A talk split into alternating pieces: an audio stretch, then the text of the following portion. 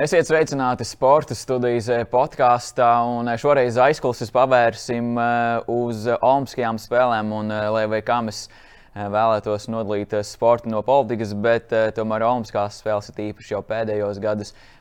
Tomēr ir ciešā sasaistē ar to. Un šoreiz kopā ar mani šajā podkāstā piedalīsies divi smagsveri. Gan katrs no savas nozares, man pakreis Dainis Cauna žurnāla sports, bijušais galvenais redaktors ar 12 Olimpisko spēļu pieredzi. Sveiks, Daini!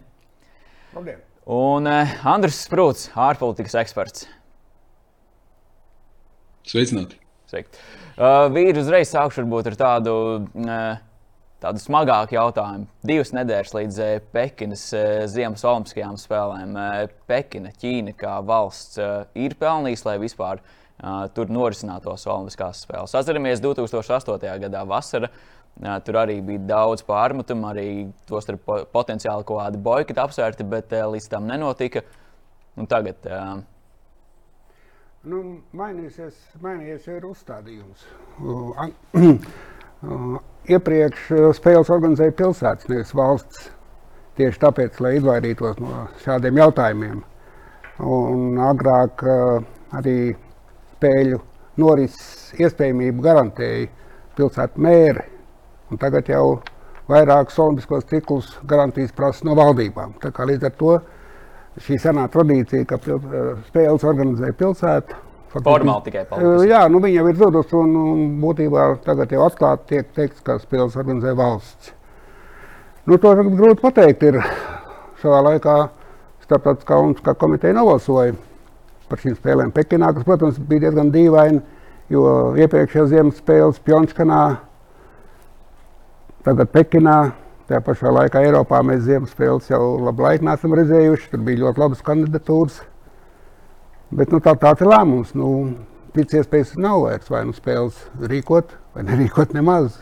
Vai arī ķerties pie pavisam bezjēdzīga pasākuma, kas ir spēļu boikots, kas jau ir vairāk kārt pieredzēts un divreiz pieredzēts ļoti plašā mērogā.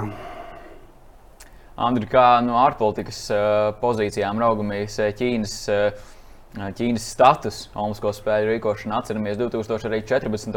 gadu Sochi, Krieviju, un tas arī bija viens no iemesliem, lai runātu kā Olimpisko spēļu platforma, kur izmanto autoritāras un varbūt pat totalitāras valstis. Jā, no Olimpiskās spēles, protams, ka tas ir tāds liels gan šovs, gan sports, gan arī politika. Un, nu, no tās politikas mēs nekur neaizmuksim. Un, protams, ka visi šie jautājumi vienmēr ir bijuši aktuāli. Bet nu, tajā pašā laikā jāsaka, tomēr, ka mm, nu, Olimpiskās spēles ir pretendē uz tādu nu, visu spēlētāju, visu iesaistīto pušu iesaisti. Un, protams, ka līdz ar to mēģinājums dalīt, kuri pareizāk, kuri nepareizāk, kuriem principiem atbilst, un tad mēs paliksim pie tādām reģionālām spēlēm, vai tikai konkrēta organizācija vai sabiedroto ietvaros. Un, protams, ka līdz ar to nu, es domāju, ka jā, šis stāsts ir vietā, kā mēs tam pieejam. Noteikti šeit arī būs konkrēti jautājumi par to, kas uz turieni brauc un kā mēs pozicionējamies, bet tajā pašā laikā nu, tā viņš ir olimpiskām spēlēm tomēr jābūt vispirms globālām. Un globāli tas nozīmē, ka iesaistās uh, dažādi uh, šie organizētāji, arī tādi, kas varbūt nevienmēr mums pilnībā sirdī tuvu tajā politiskajā ziņā. Jāpiebilst, ka Olimpisko kustība pat labāk un arī iepriekš, pat labi, jau īpaši var kritizēt ļoti pamatot un ļoti no daudzām pusēm, bet uh, viens fakts nav noliedzams. Olimpiskās spēles joprojām ir vienīgais fórums pasaulē, kas spēj vienot vairāk nekā 200 valstis. Vairāk nekā ANO valsts. Jā, vairāk nekā ANO laikam. Jā. Nu, tur nevis ir valsts. Jā. Neviena cita pasākuma tāda nav. Tā šī ideja joprojām spēj vienot visu pasauli. Un tas, tas ir tas magnēts, kas joprojām darbojās. Bet, nu, ja Olimpiskā kustība un, un, un, un turpinās eh, tādā pat garā kā līdz šim, tad tas varētu arī tas magnēts zaudēt spēku. Mēs noteikti vēl parunāsim par šiem izaicinājumiem Olimpiskajai kustībai, bet eh, boikots būs Pekinas Olimpiskajās spēlēs vismaz diplomātiskais. Eh, Amerikas Savienotās valstis, Lielbritānija un vēl dažas valsts, ja nemaldos, nesūtīs savus pārstāvjus. Kā jums šķiet, gan Daina no no savas pieredzes, esot gan turklāt, cik varbūt šāds solis no valstīm ir adekvāts un cik viņam ir vispār liels svars? Nu, droši vien tas ir drusku pliķis paš, pašiem Ķīnas valsts vīriem, neliels pliķītis, bet pret olimpisko kustību tam nav nekādas būtiskas nozīmes, jo spēles jau organizē atlētiem. Būtībā tas pat ir atgriešanās pie Kubertēna principiem. Ļoti pareizi. Nav tur ko prezidentiem, lai viņi brauc kā skatītāji, nevis pulcējās uz, uz tādu valsts vīru samitu, kurā tur izrādās un, un, un, un kā es atceros, Trumpa kundze parādījās Pjončkanā, un tad viss kameras novērsās no sportistiem, bet pievērsās viņas tēlam. Jā, bieži vien pat novērš uzmanību no tā visa, kas, jā, kas nu, notiek tas, laukumos. Tas tā, jā, bet nu, politiski, protams, tas ir žests. Tas nav boikots, tas jau nav spēļu boikots. Tas tas ir vienkārši tāds politisks. Nu, diplomātiski ir pateikts, ka diplomātiskais boikots. Jā, nu, tā var teikt. Nu, es nezinu, kā to precīzi definēt, bet uh, tas ir tāds žests tikai, bet tas nav spēļu boikots. Kādā gadījumā, jo spēlēs piedalās uh, Olimpisko, Nacionālo Olimpisko komiteju sastādītās un nosūtītās komandas, nevis valstu prezidenti vai ministri. Jā, es, es Dainam absolūti piekrītu, jo, jo to mēs, protams, par tādām nu, klasiskajām olimpisko spēļu teiksim, boikotu izpausmēm varbūt mēs nevaram nosaukt, jo skaidrs, ka sportisti jau piedalās, nepiedalās šīs oficiālās diplomātiskās delegācijas. Tur bija, ko jau Raimonds minēja, amerikāņi, kanādieši, austrālieši, jaunzēlandieši un briti. Kā, un šobrīd vēl eiropieši. Nu, tur tā pozīcija tā diezgan divdomīga. Francūži arī savas Eiropas eh, Savienības prezidentūras laikā nu, cen, centās un cenšas eh, nonākt līdz vienotai pozīcijai, bet skaidrs, ka katra valsts tur mazliet savādāk pieiet. Arī mūsu prezidents ir pateicis, ka nebrauks, bet nu, viņš gan pateica, ka viņš nebrauks epidemioloģisko teiksim, tā, izaicinājumu dēļ, ne kaut kādu politisko izaicinājumu dēļ. Kā, protams, arī kādā veidā tas tiek pasniegts, tas arī ir dažādi. Kamēr šīs nosauktās valsts skaidrs, ka viņas to pateica nu, diezgan skaidri, ka tas ir vispirms politisku apsvērumu dēļ, ka netiek sūtītas šīs diplomātiskās oficiālās delegācijas, bet, protams, vēlreiz sportisti piedalās atšķirībā no tā, kā tas notika. No 1980. gadā Maskavā, kurā nebrauc arī sportisti veselu virkni delegāciju. Varbūt Andris eh, varētu nedaudz vairāk pakomentēt, eh, pieņemsim, Amerikas eh, pozīciju, nebraukt un publiski arī šo diplomātsko boikotu izvērst. Amerikai Ķīna ir aizdevusi vismaz šie, šis ārējais parāds, ko amerikāņi tā, pret Ķīnu iegūst, ir viens triljons dolāru katrā ziņā. Nu, šķietam, Ķīna vairāk kontrolē, nu, varētu tīri kontrolēt. Vai šāds solis vispār ir viņam ir kaut kāds pamats, un vai tas kaut kādā mērā signālu sūta Ķīnai. Jo ķīnieši var pateikt, nu, mēs esam jums finansiāli diezgan daudz garantijas arī devuši. Nu, tur tāds interesants tās savstarpējais eh, tango, kurā viens uz otram, viens otram uz kājām, uz pirksgaliem uzkāpa laiku pa laikam, bet, protams, ka vienlaikus nu, tur ir tādas dziļākas tās problēmas. Un tā dziļākā problēma, protams, ir tā, ka uh, Nu, šobrīd eh, Ķīna kļūs par lielāko pasaules ekonomiku, un nenoliedzam, ka tur ir arī tādi strateģiskie, politiskie, militārie cīniņi vai spriedzi arī savstarpējā, it īpaši jau klusajā okeānā. Tā kā tā sistēma mainās, un neviena sistēmas maina, viņa nav tāda pilnīgi gluda. Es negribu teikt, ka šeit uzreiz ir konflikta pazīmes, tāda plaša konflikta pazīmes, bet spriedzi ir. Un arī tas, ka, protams, pašā Amerikā tiek uzskatīts, ka ķīnieši ar savu ekonomisko politiku, ar savu protekcionismu, ar teiksim, tā, negluži vienmēr godīgu konkurenci, ar dažādu patentu iegūšanu dažādos veidos, ir bijuši tādi nu, pilnīgi godīgi spēlētāji šajā politiskajā, ekonomiskajā sportā, ja tā var teikt. Tā kā principā ASV sabiedrība, neskatoties vai tas ir Trumps vai tas ir Baidens, ir vienota par to, ka ar Ķīnu ir jārunā stingra valoda. Jo stī, savādāk, savādāk ar Ķīnu vienoties būs grūti. Bet tajā pašā laikā absolūti šīs ekonomikas, abas divas lielākās pasaules ekonomikas ir savstarpēji saistītas. Un no vienas puses, protams, ka amerikāņi ir atkarīgi no ķīniešiem.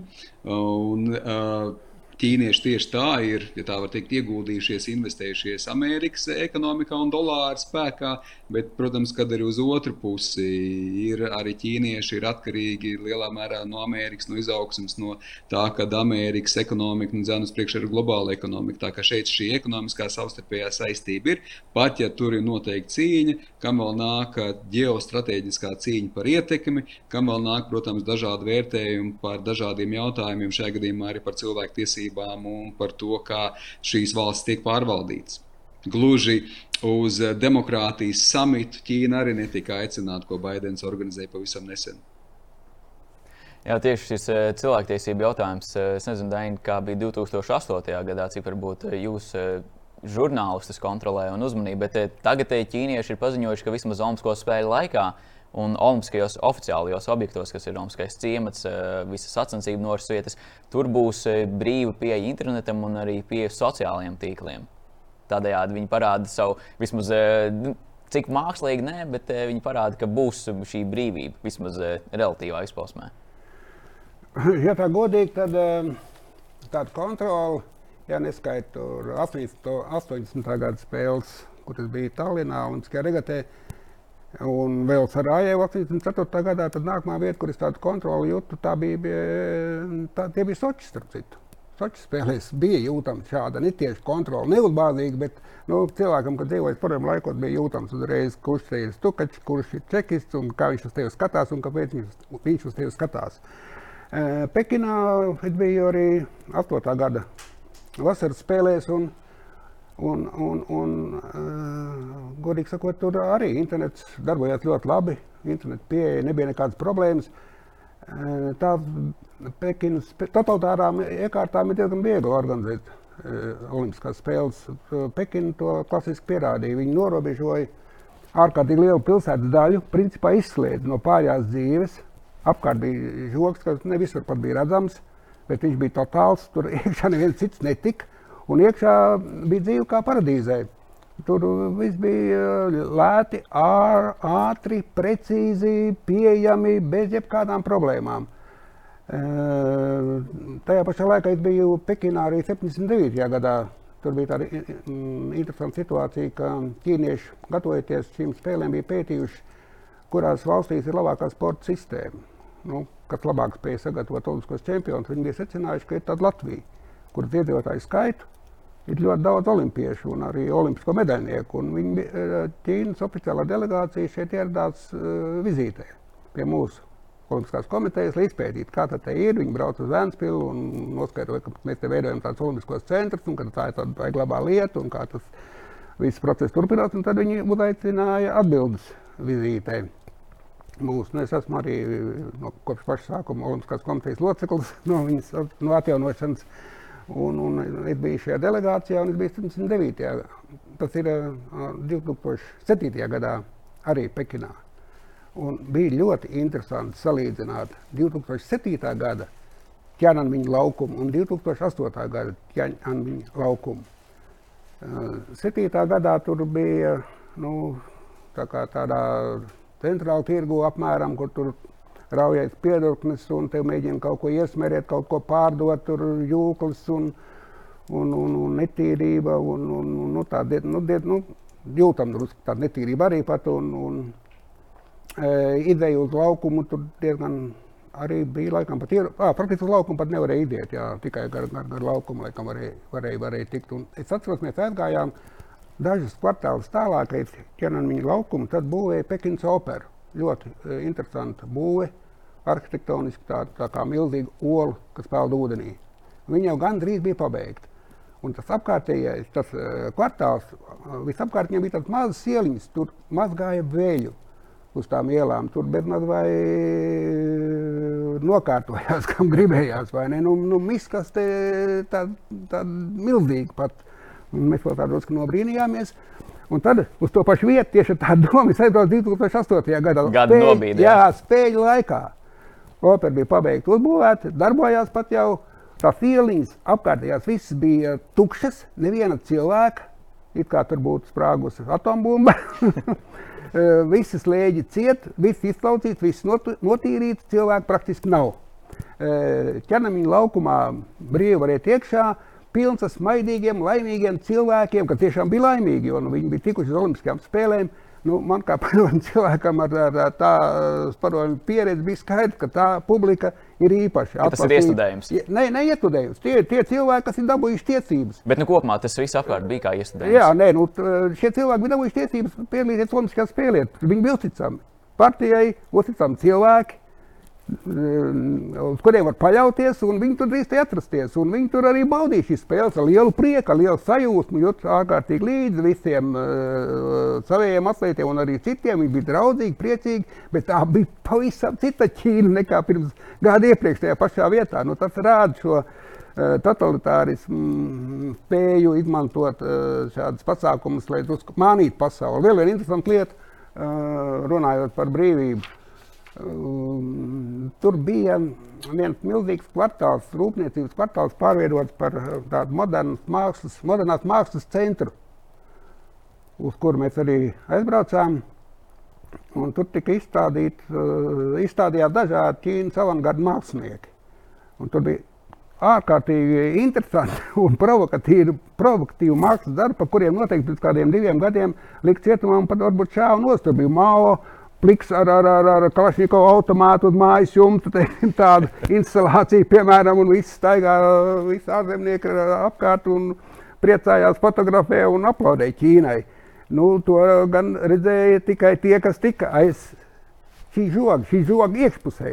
Šī žoga bija ļoti milzīga. Un, un, un tas bija jūtams, ka tā tiek arī diezgan daudz rietumu žurnālistu muļķot. Jo nu, nekāda problēma. Ir viss laimīgi, viss priecīgi. Viss, uh, Relatīvā brīvība. Jā, jā un viss ir nu, terikul māksla, ārprāts. Nu, vēl trakāk kā rietumos. Pliks māva ar automātu. Jā, un tas, ko tagad varbūt arī Ķīna arī min, ka būs šī brīvā pieeja internetam. Un, uh, varbūt, uh, Andri, ko tu esi dzirdējis un kā tu varbūt paredzi sportistu vēlmi paust savus uzskatus tieši cilvēktiesību jautājumā, kas Ķīnā ir ļoti kritiski un, protams, ir daudz problēmu. Jā, tas ir tāds viltīgs jautājums, jo kopumā, protams, arī es pats esmu pēdējās desmitgades laikā regulāri braucis uz Ķīnu. Man ir tāda zināmā iespēja par Ķīnu, un te varbūt atgriezīšos pie tā, ko arī Dainis teica, ka Protams, ka Ķīna attīstās, Ķīna veidojas, Ķīna mainās. Un tur ir gan labās lietas, gan, protams, tie, tie izaicinošie jautājumi. Jo no vienas puses, labās lietas ir tās, ka, protams, nu, Ķīna attīstās kopumā. Un tā, ko es jau minēju, būs lielākā pasaules ekonomika. Un to var redzēt arī tajā spēkā, ekonomiskajā, tajā pašpārliecinātībā par sevi. Bet vienlaikus tas, protams, kad arī nu, virz uz to, ka Ķīna ir tāda pieprasoša un pārējās pasaules, ka redz, viņi to cieņu ir nopelnījusi un ka visiem ir jāciena tā Ķīna un ka jābūt uzmanīgiem ar ko citi saka, jo ja citi pateiks ne tā, tad nu, mēs atceramies, mums jau te nepārāks NBA stāsts par NBA spēlētājiem arī. Uh, ka var atrauties diezgan pamatīgi arī tās citas valsts, vai kompānijas, vai spēlētāji, vai, vai konkrētie sportisti. Eh, un te tā divdomība ir no vienas puses tāda atklātība un eh, mēģinājums pasniegt sevi no labās puses, kas, es domāju, ļoti pozitīvi. Un tas, ka būs pieejami arī šie sociālie tīkli, tas, protams, ir pozitīvi, jo tieši tā esot Ķīnā, ne Facebook, ne WhatsApp, ne Google nedarbojās. Principā nav iespēja tikt tajos iekšā. Lai gan arī tur ir zināmas divdomības, jo pašā Ķīnā arī nu, ir iespējams izmantot šos VPN tīklus un faktiski arī iet šajos sociālajos mēdījos. Tā kā varbūt par tādu pilnīgi totalitārismu es gan arī nenosauktu. Ķīnu. Es domāju, ka šeit vairāk ir tāds autoritārā kapitālisma iezīmes, kurā, protams, politikā absolūti tiek kontrolēti gan izteicieni, gan tā virzība, gan nu, teiksim, tā uzvedība, tīpaši jau no nu, ķīniešu sabiedrībā. Bet ekonomiski nu, tomēr šeit ir arī zināmā veidā tāda dinamika, kas arī ļauj nu, to pašorganizāciju un pašiniciatīvu. Bet atgriežoties pie sportistiem, es domāju, ka pilnīgi skaidrs būs tā indikācija, ka nu, nevajadzētu neko izteikt. Un, eh, vai nu gluži tiks sūtīta ārā, visticamāk, jau ka nē, bet nu, kaut kādos melnajos sarakstos jau mums ir iespēja visiem iekļūt, tā skaitā arī sportistiem par saviem izteikumiem. Bet no to šķiet, ka jārēķinās. Es domāju, Dainis man eh, piekritīs, ka viens no tiem, kurš varētu būt eh, šajā melnajā sarakstā, ir Mārtiņš Rubens. Kurš tagad ir treneris Kamaņa izlasē. Un, viņš aktīvi jau ir iestājies gan par Tibetas jautājumu, gan kopumā Ķīnas cilvēktiesību pārkāpumiem. Un, cik, cik es esmu dzirdējis, viņam vīza ir piešķirta un viņš dosies. nu, jā, Mārtiņš jau protestēja pirms 2008. gada spēlēm. Uh, nu, Ķīnai ir pienākums, ja viņi uh, uzņemās rīkot Olimpiskās spēles, tad viņai jāgarantē, ka. Bet vai saskatāt, ka varētu būt spēļu visiem, laikā? Visiem dalībniekiem un, un, un, un oficiālām personām viņiem jāgarantē. Jā, bet spēļu laikā var kaut kā ķīnieši vai mēģināt kaut ko patraucēt, kaut ko nelaikā iedot. Nu, es nedomāju, ka tā tik sīkumaini viņi darbosies. Jo šobrīd arī kamaniņa varbūt e, šī nu, mūsu nomata nedaudz satraucas, jo kad tik Mārtiņš kaut kur varbūt atkal neizsakās, un e, tas viņus varbūt varētu kaut kā ietekmēt, nu, esoties Ķīnā. Pateikt, grūti pateikt. Es nedomāju. Nu, viņi tomēr diezgan gudri arī ir savā spēlēs, nu, lai tur uzreiz reaģētu un taisītu kaut kādu skandālu, kaut kādu mm, tādu dēļ. Es šaubos, vai, vai, vai, vai tādas momentālas represijas tur varētu būt iespējamas. Nu, pie tam tas arī jau būtu pret uh, starptautiskās olimpiskās komitejas noteikumiem, pēc kādiem ir jānorisinā, jāno, jānotiek šīm spēlēm. Jā, bet tas, ko paudu iepriekš, gan arī Mārtiņš Rubens, un arī pirms tam mēs arī runājām. Uh, citu Olimpisko spēļu kontekstā, arī Krievijas uh, gadījumā, ka varbūt ir jāizvērtē vieta, kur mēs rīkojam. Vai tas, ko arī mēs nerīkojam. Sokrīko. Jā, jā sokrīko, jā, bet eh, kur varbūt šīs spēles notiek? Eh, vai, vai Latvijai, pieņemsim, eh, kad, kas ieņēma diezgan striktu pozīciju Baltkrievijas jautājumā, un arī tas savā ziņā nedaudz arī apdraudēja pasaules čempionātu. Ja mums nebūtu rīkotāji, tad varētu vērtēt, vai Latvijai būtu jābrauc. Un šajā gadījumā arī Mārtiņš Rubens arī diezgan aktīvi izvirzīja šo tēzi, ka ar ko Ķīna varbūt atšķirās no Baltkrievijas. Ja, nu, ir viņam taisnība, jā, protams. Tā ir. Pasaules čempionāts šeit bija diezgan, diezgan nopietna lieta. Nu, bet tas drusku ir atšķirīgs pasākums no Olimpiskām spēlēm. Uz to, nebra, uz to nebrauc 200. Uh, nu, valsts, jā, šis apjoms jā. ir krietni citāds. Nu, arī, jā. Andri, kā tu redzi šīs eh, divas puses eh, - Baltkrievijas eh, hokeja čempionāta kontekstā un Pekinas Ziemassvētku spēles? Vai mēs tur varam novilkt, un kur mēs varam novilkt kādu robežu šķirtni? Uh, nu, vēlreiz es atgriezīšos pie tā, ka nu, es kopumā būtu pret, protams, tādu sportistu uh, boikotu. Es domāju, ka sportistiem nu, kopumā, ja ir plānots, ir jāpiedalās. Un tas jau nav tikai par uh, Pekinas Olimpiskajām spēlēm vai Baltkrieviju. Nu, mēs atceramies arī uh, Krievijā bija futbola čempionāts 2018. gadā, un arī bija šīs potenciālās runas par Krieviju vajadzētu atņemt futbola čempionātu. Es pat lielā mērā kaut kur liecos, ka varbūt tā pat bijis uh, laba nostāja. Un, uh, te ir tās pretrunas, un varbūt kaut kur pat pretrunas tajos manos izteikumos, jo kopumā es uzskatu, ka ar boikotu aizrauties vai boikotiem aizrauties nevajadzētu. Uh, Un, eh, protams, ka pasaulē ir dažādas valsts, un ja mēs organizēsim tikai demokrātijas samitu ietvaros, tad principā tās būs, un demokrātijas samitā piedalīsies virs simt valstīm, nu tad principā mēs kaut kādas simt valstis varbūt mazliet mazāk atslēdzam. Uh, tad noteikti būs kaut kādas paralēlās Olimpiskās spēles. Es domāju, pie tā mums nonākt arī nevajag pie pasaules čempionātiem. Nu, kaut kur mums ir jāmiedarbojas, kā mēs miedarbojamies ekonomikā, mēs miedarbojamies kultūras jautājumos, un iespējams, ka tomēr mēs varam miedarboties arī sporta jautājumos. Bet, protams, tajā brīdī, ja mēs redzam tādu pilnīgu vardarbīgu vai iekšējo sabiedrības apspiešanu, Nu, ja mēs runājam, noteikti mēs netaisītu Olimpiskās spēles vai čempionāts Mjanmā vai Ziemeļkorejā. Un noteikti varētu vēl to sarakstu paturpināt. Tā kā, protams, šeit ir zināmas valsts, no kurām sadarboties ir ļoti sarežģītas, kurām attiecās ļoti daudz sankcijas. Vai arī valsts, kas ir iesaistītas tādā pilnīgi atklātā arī agresijā, kā Krievija to izdarīja 2014. gadā. Tāpēc tiešām šeit bija aktuāls jautājums par 2018. gada pasaules čempionātu, ja tā var teikt, organizēšanu un tajā piedalīšanos. Uh, bet uh, nu, es domāju, ka es tomēr neaizrautos, ja mēs tagad, kā es minēju, jau nu, sāktu likt tos arī savus baltos un melnos sarakstus. Tad, tad, tad principā Olimpiskām spēlēm, pasaules čempionātiem nu, arī pienāktu gals. Un beig, beigās tas jau arī man šķiet to politisko situāciju arī nepārāk labvēlīgi ietekmētu. Jo, nu, ja mēs nesarunājamies, tad kas ir, kas ir alternatīva nesarunāšanās, kas ir alternatīva kopīgām sportiskām aktivitātēm? Nu, tā viņš iet, ka tas jau ir atklāts konflikts. Ja valsts atklāts konflikts iziet, jā, tad tā ir paša viņa izvēle, kā bija Baltkrievijas gadījumā. Bet no nu, Pekinas tomēr vai Olimpiskās spēles Ķīnā no tajā vienā grozā neielikt. Šeit tomēr ir, ja tā var teikt, tās nu, pelēkā tonējumi ir dažādi. Viņi nav pilnīgi viendabīgi. Noteikti es piekrītu, un arī boikots uh, arī arī Daina no savas pieredzes, arī 80. gadā atminēs, ka tas laikam varbūt sportam kopumā nebija uh, labākais, uh, labākais risinājums. Bet, uh, Sports un politika ideālā gadījumā būtu šķirti, bet realitātē ar katru desmit gadu, ar katru gadu viņš ar vien vairāk savējās. Nē, tas ir ļoti, ļoti interesanti. Tas nav tā teikt, ka tas vienmēr bija, bija, bija, bija, bija, bija kopā. No sporta, no politikas, ja runā par olimpisko kustību, bija ļoti nodalīta pašā sākumā. Tad, kad mūsdienu olimpiskās spēles atjaunoja humanisti, Kubertens un, un, un Teiksim, pirmais, pirmais uh, Kubertens nebija pat pirmais uh, starptautiskās olimpiskās komitejas prezidents. Aiz cieņas pret Grieķiem pirmais prezidents bija, bija Grieķis un, un, un Vikals divus gadus. Un tikai pēc pirmajām spēlēm par prezidentu kļuva Kubertens. Šis Grieķis bija rakstnieks, Kubertens bija vēsturnieks, filozofs, dzēnieks, zināmā mērā arī. Nākamie SOK prezidenti arī bija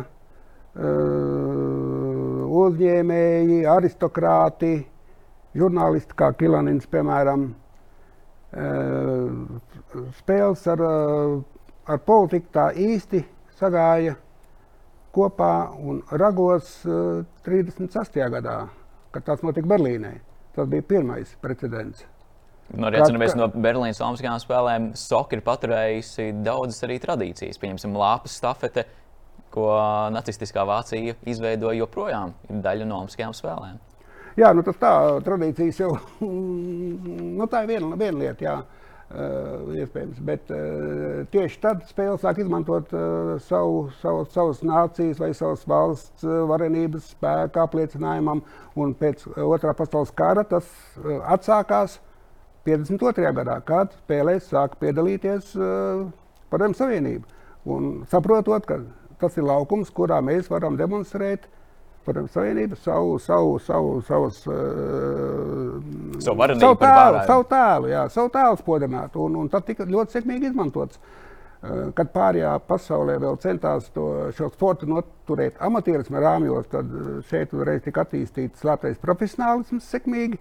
Un šie padomju sportisti varēja cīnīties brīžiem pat jau bez sevišķas konkurences dažos sporta veidos ar citu valstu atlētiem, kas tomēr tur daudz maz bija amatieri. Tad pretī viņiem stājās jau padomju profesionāļi, un tad tas klāji tika izmantots politiskiem mērķiem sports. Tas ir klājš piemērs. Un, un tas interesantākais ir, ka visvairāk sports sabojāja pirmais politiķis, pirmais un vienīgais politiķis, kas ir bijis starptautiskās olimpiskās komitejas prezidents, un tas ir Juans Antonio Samarančs. Pirms tam sūtnis Maskavā, Spānijas, pēc tautības katalāns, Viņš arī no sākuma bija daļai pret eh, Baltijas valstu atgriešanu. Nu, tur bija liela jēga, jā. Tā bija liela jēga, bet uh, Samarančs, bet tam dīvaini, būdams politiķis, viņa laikā tieši sākās spēļu boikotlietas. Uh, Krievu padomju savienība iebruka Afganistānā un amerikāņu boikotēja 80. gada spēles. Atbildēji bija um, Austrumu bloka Varšavas pakta valstu uh, boikots Losandželos spēlēm. Nu, pēc tam Samarančs kaut kādā veidā šīs uh, boikotu kustības novērsa un beidzot savienoja visu kopā. Tur bija, bija alternatīva. Uh, citu, tā nav kā um, bija mēģinājums radīt otrs paralēlās spēles. Tas bija gudrības, ko taisīja Tets Stēders un kas uh, notika uh, vairākas reizes. Pirmajās tas pat bija akreditēts. Tas bija ma Maskavā. Tas vairāk bija arī kā komerciāls pasākums. Jā, kā komerciāls pasākums, bet Samarančs par ko pārvērtīs spēles Samarančs. Viņš nodarīja lielāko ļaunumu spēlēm. Viņš bija no šī te humanisma idejām, viņš ir spēles pārvērtis par, par, par, par tirgus ekonomistu spēlēm. tele, spēles tagad tiek taisītas televīzijai, kā, kā milzīgs šausmas, un tā, tas, tas vien iedīmē jau šo spēļu neglābjamo galu. Jo, Tik, tā, tik tā, pesimistisks tavas prognozes? Nu, tuvāk vai tālākā nākotnē, tā turpinot, jo viss pakļauj televīzijai. Tas taču ir uh, vaiprāts. Sports eksistē Olimpiskajā kustībā tikai tādēļ, lai viņi varētu parādīt televīziju. Klasisks piemērs - modernā pieciņa. Skaists izdomāts sporta veids. ar stāstu, ja komertēni izdomāts. Virsnieks tur cīnās ar zobēnu pret pretinieku, pārpeld upē, lai nodotu ziņu. Uh, tad viņam tur ir jāiet zirgu pāri šķēršļiem, un beigās viņš tur skrien un šo ziņu nodod. Un, un tātad sports, šis sporta veids, protams, ir sarežģīts un, un, un, un ļoti vīrišķīgs. Viņš tur sākotnējā versijā gāja piecas dienas, tad viņš saīsināja līdz divām dienām. Tad viņu izvaroja, izmetot ārā šaušanu savienojot ar, ar, ar, ar skriešanu, lai būtu īsāk. Tas nozaga no biatlona šo ideju tikai nu, arī ne pilnā versijā, bet tādā uh, saudabīgā gājienā. Un tagad ir uh, nākamais uzstādījums. Uh, modernai pieciņai jā, jāilgst laikam 90 minūtes. 90 minūtes jā. ir 5 sporta veidi jāiekļauj. Un, ja to nevarēs izdarīt, jā, jā, šī vairs nebūs. Un, ja to nevarēs izdarīt, tad viņi būs ārā no Olimpiskām spēlēm. Ja jūs televīzijā to nevarēsiet parādīt, tad nebūs pat interesanti. Tātad sports vairs neeksistē tādēļ, kādēļ to ar uh, Olimpiskās spēles uh, radīja Kubertēns, bet uh, tādēļ, lai televīzija varētu nopelnīt no reklāmām un dot naudu Olimpiskajai, Starptautiskajai Olimpiskajai komitejai un tā tālāk. Te mēs esam sports un politika. Tāds sports. ir rezultāts. Sports un Paldies Samarančam. Paldies Samarančam. Sports un politika, sports un biznesa ļoti noteikti iet kopā tas, ka šī komercija ar vien vairāk un vairāk ir daļa no Olimpisko spēļu rīkošanas, un redzam, gan teiksim, tā, cik varbūt pašām rīkotāju pilsētām, valstīm ir jāuzņemās, un cik varbūt pats soks pienes klāt. Nu jā, tas ir jautājums par šo spēļu gigantomāniju. Nu, Pekina arī to atkal demonstrēs ar milzīgām būvēm, jaunām un, un unikālām. Nu, ļoti labs piemērs, kā organizēt spēles kā vajadzētu organizēt spēles, un kas atbilst uh, Olimpiskās kustības būtībai, bija spēles, piemēram, Lielhamerē, kas bija ļoti vienkāršas, arī diezgan lētas, un uh, no vasaras spēlēm, kā London. piemēram, var minēt uh, Londonas spēles, principā. Un ne tik sen, 2012. Jā, gadā. Jā, pie tam uh, terorismu draudu apstākļos pilsētā integrētas spēles. Mierīgi uh, pie um, Bekinhemas pils uh, startē uh, Velo maratonists soļošana notiek Downingstrītā, Downingstrītā spēlē pludmales volejbolu. Fantastiski! Tas bija pilnīgi neticami, kā varēja norganizēt spēles, pie tam arī noteikti nedārgas un vienkārši. Nu, salīdzinot ar, ar Sočiem, kur Jā, tur bija nevaldos 55 miljoni. Nu, jā, nu, tāds filmas neviens tur nezina. Patiesībā noteikti vēl vairāk. Daniel, tu jau izzīmēji vienu no šiem aspektiem Olimpiskajā kustībā, kas varētu būt. Bet kopumā, ja jums abiem būtu vēl jāpašķirtina, kas ir tās, kas ir tie būtiskākie izaicinājumi Olimpiskajai kustībai, ko jūs redzat? Es varbūt no tās pozitīvās puses sākšu. Jo... no pozitīviem izaicinājumiem, jā. Par pozitīviem izaicinājumiem. Ja, protams, ka var jau pateikt, ka nu, viss tas, ko Rēdainis minēja, gan par to naudu, gan par to politiku, nu, tā ir nu, šī brīža realitāte. Tam ir savi izaicinājumi, bet var jau teikt, ka tam ir savi po pozitīvi izaicinājumi. Jo beig beigās Olimpiskās spēles, kurās piedalās sportisti, kuriem ir vēlme tajās Olimpiskajās spēlēs piedalīties. Līdz ar to tas ietekmē arī sabiedrības sporta un amatieru sporta attīstību, jo katram ir vēlme aizbraukt uz to lielo šovu. Ja tā nauda tiešām tur ir un var nopelnīt, un mēs skatāmies un esam iesaistīti tajā šovā, tad tas tam sportam arī man šķiet, ka pa sliktu arī nenāk. Tas, kas tika arī pieminēts, ka tomēr ir valstis, ir organizētāji, kas spēja arī šo naudu veiksmīgi izmantot un gan savu valsti pasniegt pozitīvi, gan vienlaikus arī investēt tajā infrastruktūrā, gan sporta infrastruktūrā, gan ne tikai tajā pašā Pekinā, cik arī ir būts uh, metro, kas bija uzbūvēts faktiski priekš Olimpiskajām spēlēm, joprojām ir ļoti funkcionāls un izmantojams. Tā kā, nu, protams, ka te ir jādomā, kā tas arī tiek vērtīgi investēts. Un beig beigās jau arī politiski, nu, tomēr šīs dažādās iekārtas, dažādas sistēmas, dažādas valsts nu, tiek saliktas kopā. Un uh, labāk jau, ka mēs skatāmies nevis tajos sarakstos, cik tur katrai ir armijas lielas, bet tajos sarakstos, cik tur katram tās medaļas ir. Uh, un uh, arī vienlaikus pat arī tas, kas ir tas negatīvais, ja tā drīkst teikt, šie boikotiņi vai boikoti diplomātiskie, nu tad mēs varam arī pateikt, ziniet, bet ir lietas, kas mums tomēr nepatīk. Tā kā kopumā jau iedomājamies, ja būtu tikai sportisti un olimpiskās spēles un nebūtu tas šovs. Nu, šobrīd arī Tokijas Olimpiskās spēles un Pekinas Olimpiskās spēles notiek bez, faktiski bez skatītājiem. Uh, Nu, jau tā ir tāds zināmā veidā tāds skumīgums tajā visā. Nu, tad, ja tomēr papildus visam tam nāk politika, papildus visam tam nāk tomēr arī šis šovs, un mēs spējam tam visam sekot līdzi un arī tomēr interesējamies. Man šķiet, ka tas jau beig beigās sportam arī dod savu pievienoto, pievienoto vērtību.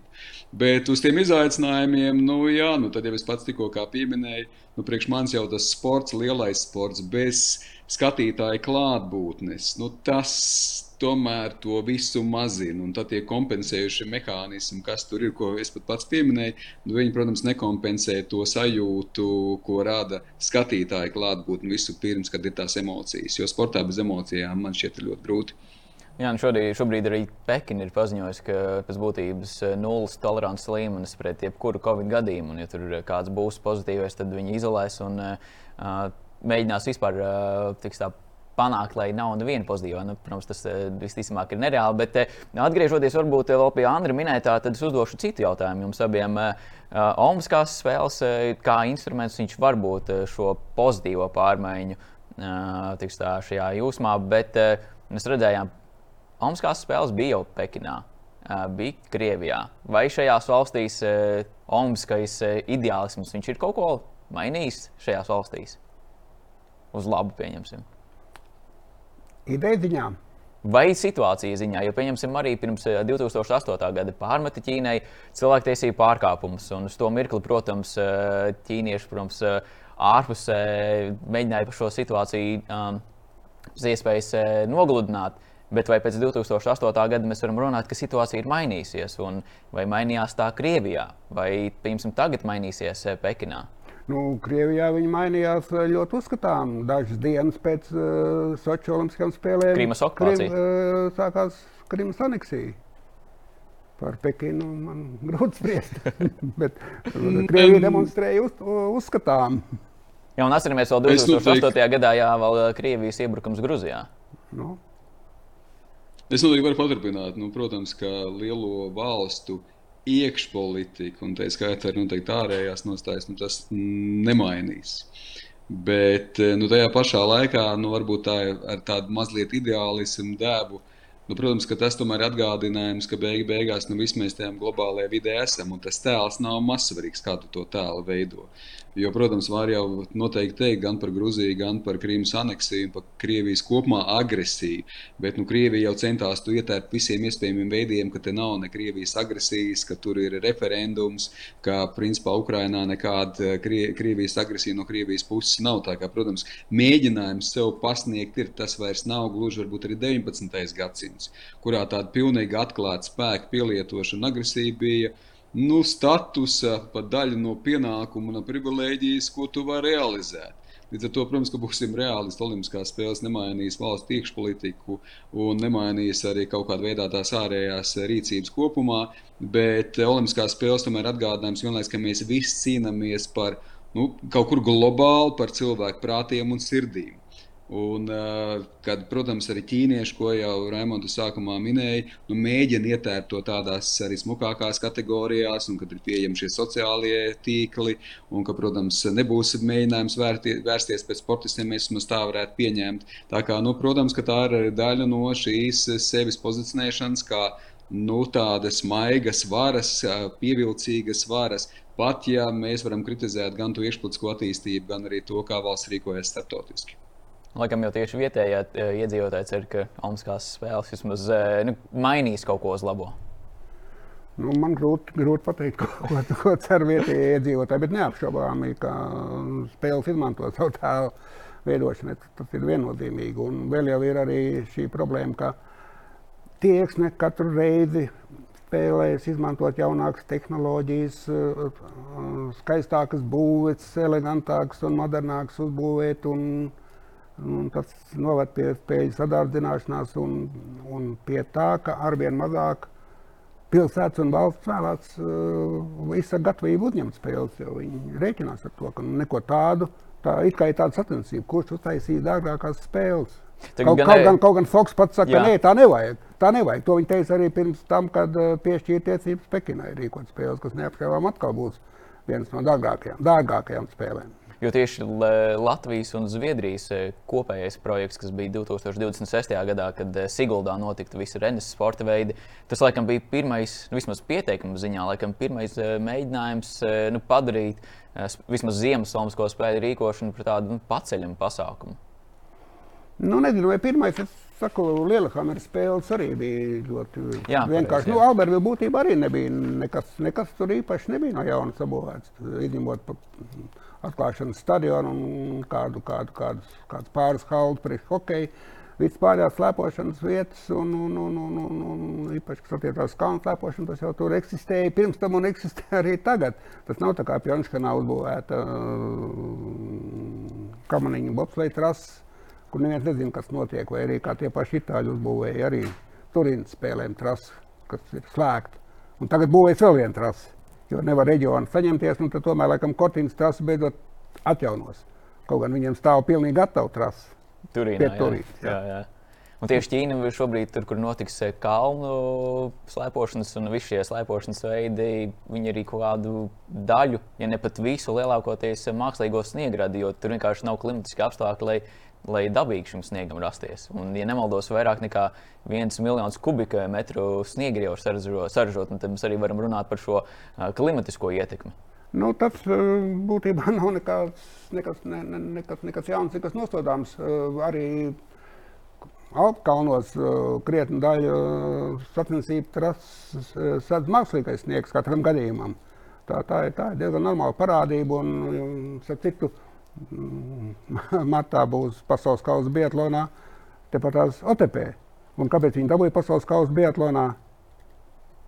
Tāpēc, viņi var ierakt, uh, viņi ierokas sniegu, cik saprotu. Nē, tā ir Centēva metode, to viņi arī dara.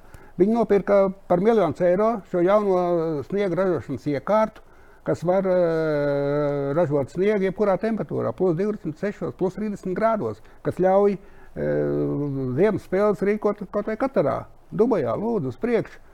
Bet tāda iekārta maksā miljonu eiro. Viņi to iegādājās. Uzreiz arī dabūja tiesības rīkot pasaules kausa biatlonā. Viņš šo iekārtu demonstrēja pagājušā vasarā. Bija rallies Eiropas kausa, laikam, rallijā. Ja?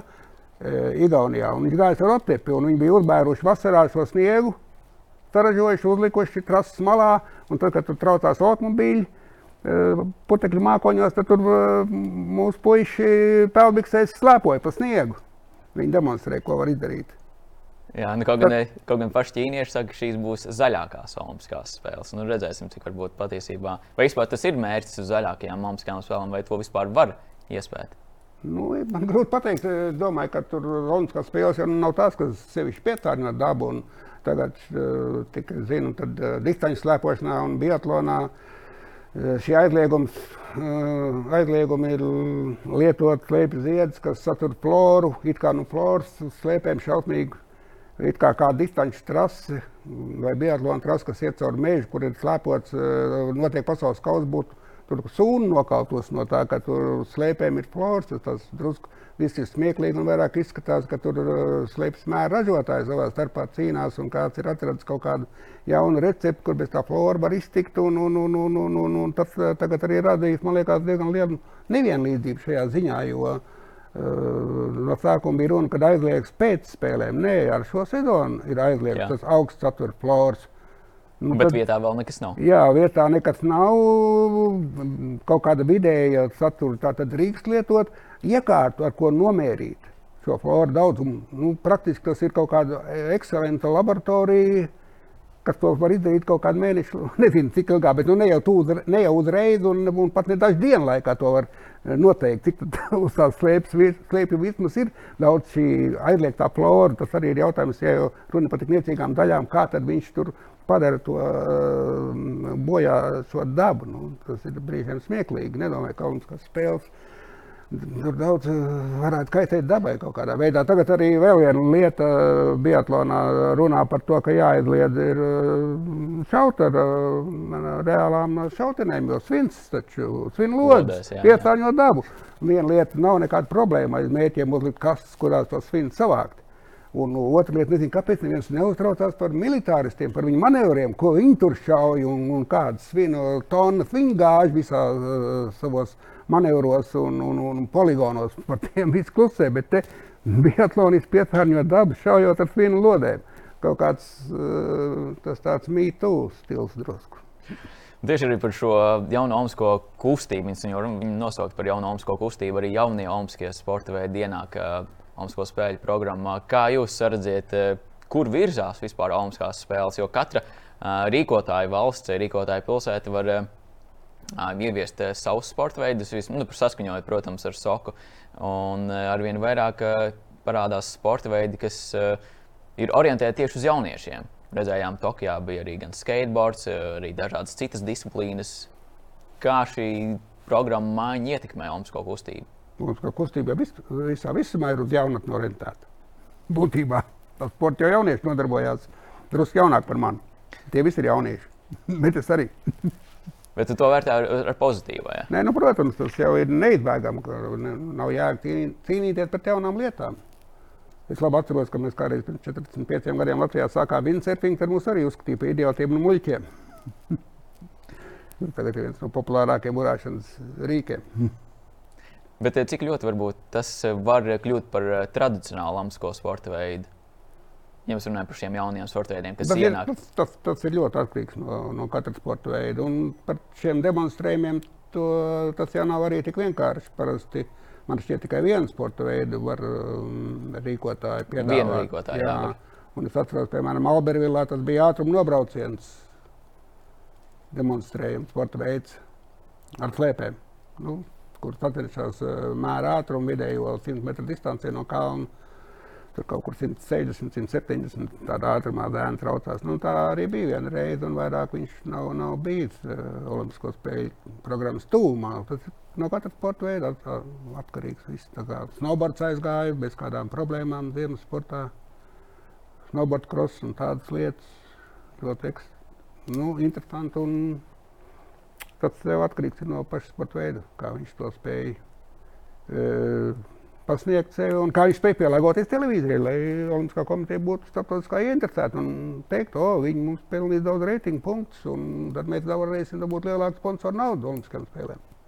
Cik Andri, tu redzēji vēlmi iekļaut eh, televīzijai, varbūt eh, šos simpātiskos uh, sporta veidus, lai uh, Olimpiskās spēles vispār būtu dzīves un būtu, neteiksim, rentabls, bet uh, spējīgs izdzīvot arī arī pie dažādiem citā, citiem izaicinājumiem, kas, protams, redzam arī citos sporta veidos, citos čempionātos.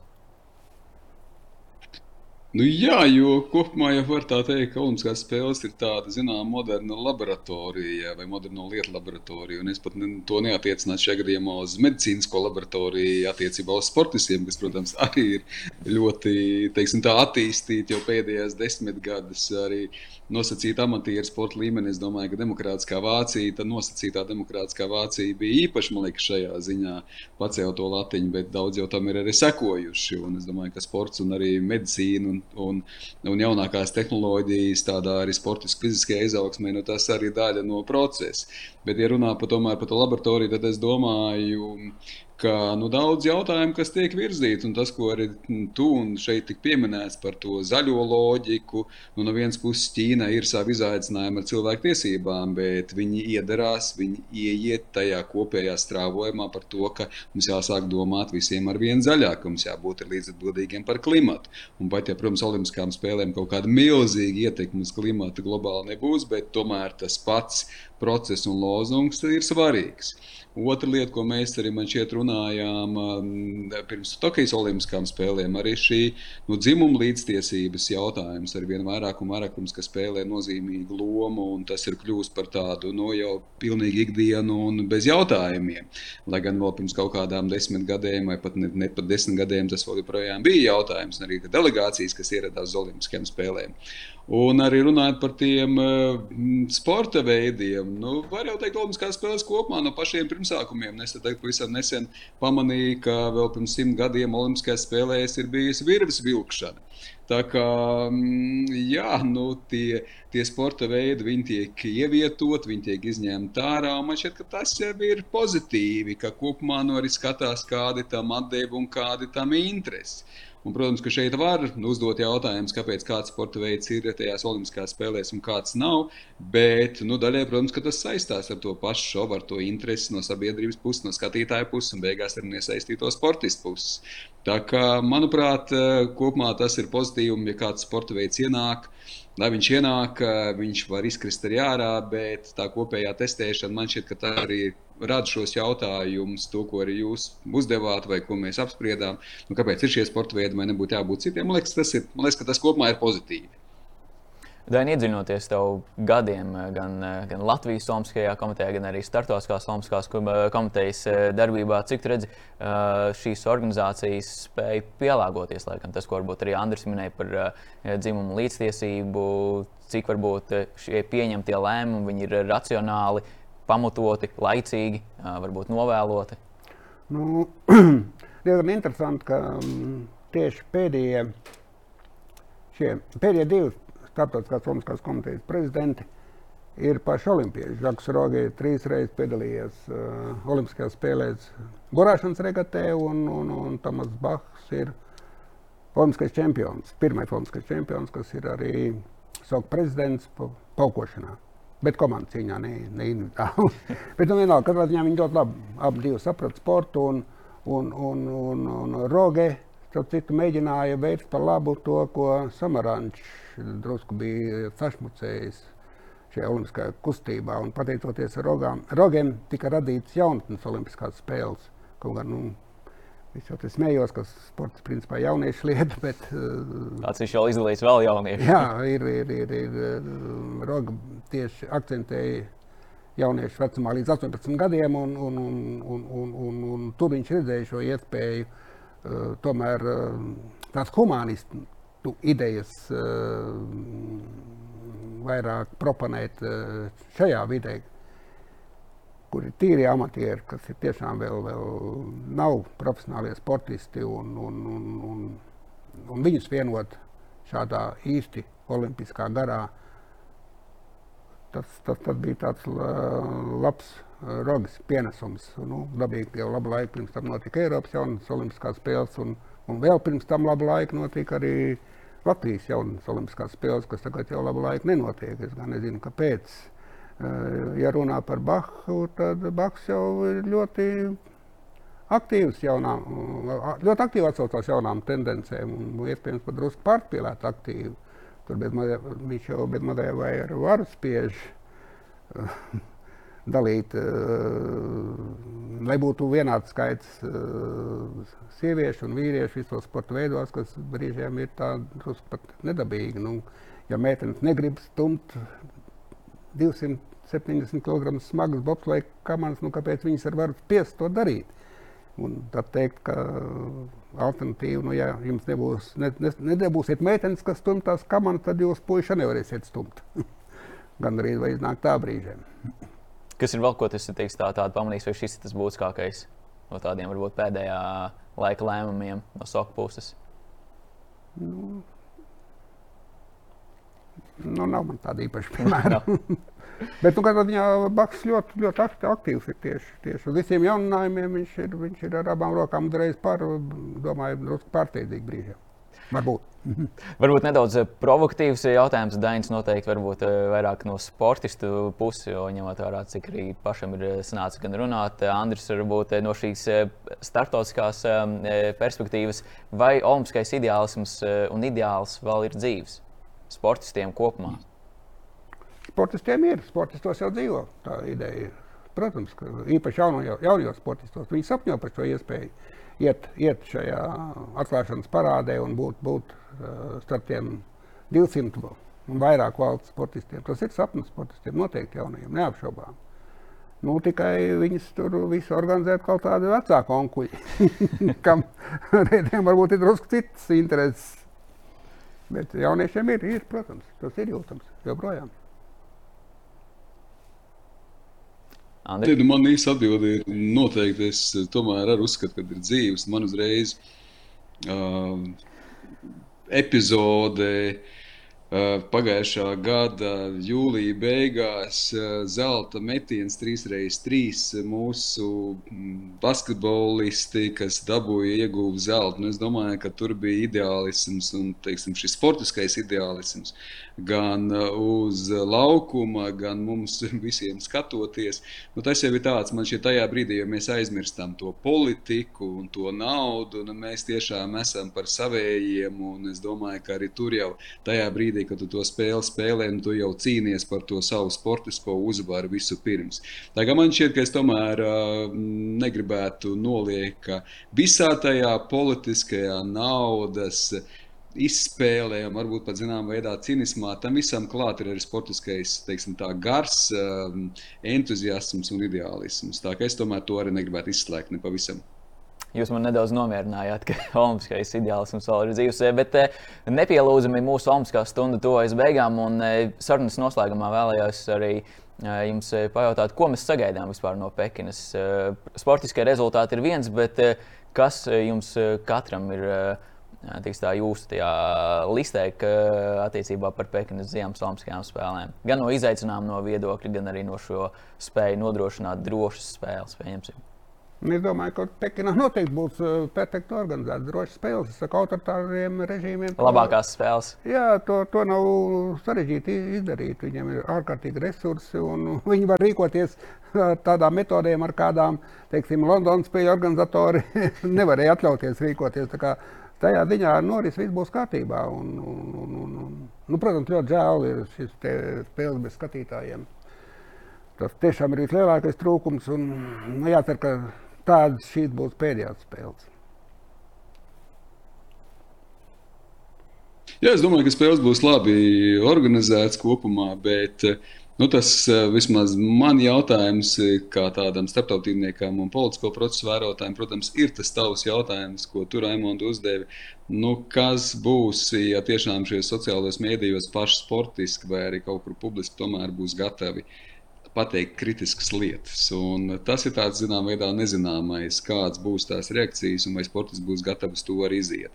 Es domāju, ka, protams, kopumā būs vēlme, lai tas būtu pēc iespējas gludāk un nekādas šādas, teiksim, tādu izaicinājumu neskatos. Noteikti, ka vispirms vispirms to vēlētos organizatori, bet nu, to izslēgt arī nevar. Jo kopumā jau tomēr mēs redzam, ka tā politiskā atmosfēra uh, gan globāli, gan runājot arī šeit par reģionu, nu, viņi ir pietiekoši sakāpināti un sakaitēti. Un tad tās emocijas nu, var nākt klāt beig beigās.